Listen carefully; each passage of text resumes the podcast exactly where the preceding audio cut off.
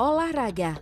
Bagi sebagian orang, aktivitas fisik yang satu ini dilakukan bukan semata-mata untuk tujuan kesehatan saja, melainkan sebagai hal menyenangkan, bahkan jadi hobi tersendiri. Sayangnya banyak yang akhirnya terlupa bahwa tubuh memiliki batas tersendiri dan bisa berakibat fatal. Seperti yang dialami aktor Ashraf Sinclair, Aktor sekaligus suami penyanyi Bunga Citra Lestari ini meninggal di usia 40 tahun dalam kondisi tidur akibat serangan jantung pada Februari 2020 silam. Sehari sebelum kejadian, Asraf diketahui baru saja kembali dari New York usai liburan bersama keluarga. Di hari kejadian, ia pun langsung padat beraktivitas, mulai dari sibuk meeting hingga menjalani olahraga CrossFit pada malam harinya. Kasus serupa juga menimpa legenda bulu tangkis Markis Kido Atlet 36 tahun ini meninggal pada Juni 2021 silam akibat serangan jantung saat berlatih badminton di Gor Petrolin Tangerang. Diketahui peraih emas di Olimpiade Beijing 2008 ini memiliki riwayat darah tinggi yang memang erat kaitannya dengan pemicu serangan jantung.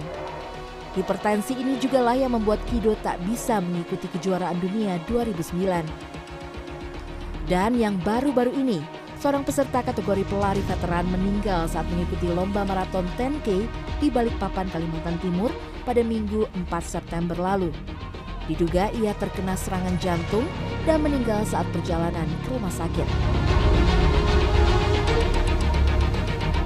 Akhir-akhir ini pamer heart rate alias jumlah degup jantung per menit saat olahraga sempat menjadi tren di media sosial.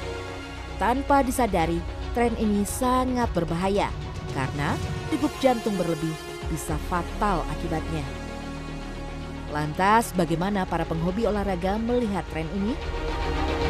Nah, kalau mereka udah fitness level udah bagus, udah di atas rata-rata, itu wajar-wajar aja. Karena itu selain buat ngebakar lemak juga untuk meningkatin performance gitu. Menurut aku sendiri fine fine aja ya kalau misalnya uh, mau bakar lemak, mungkin uh, untuk kesehatannya juga. Cuman menurut aku mungkin harus di balance lagi.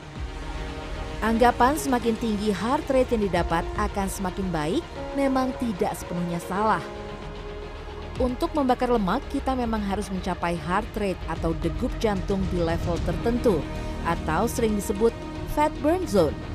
Tapi tetap harus diingat, degup jantung yang berlebih akan sangat berbahaya dan memicu kematian.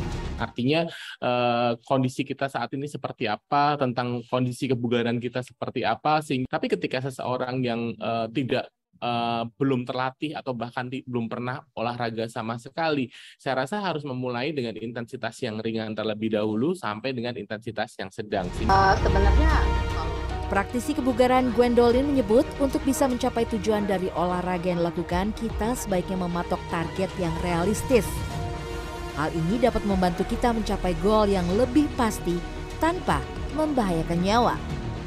Selain itu, asupan kalori dengan gizi seimbang serta istirahat cukup juga wajib diperhatikan biasanya kalau orang mau olahraga biasanya ada ada motivasinya, ada tujuannya.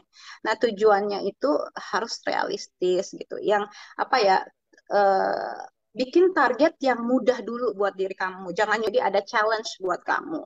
Kalau itu kamu udah bisa capai, oh kamu jadi termotivasi. Naikin lagi baru sedikit lagi. So realistic plan. Dalam menjaga kesehatan tubuh, ada satu hal yang paling penting, yaitu konsisten dan bersabar. Karena sesungguhnya tubuh adalah wujud mental seseorang yang terbentuk melalui jalan yang panjang. Tim Liputan CNN Indonesia.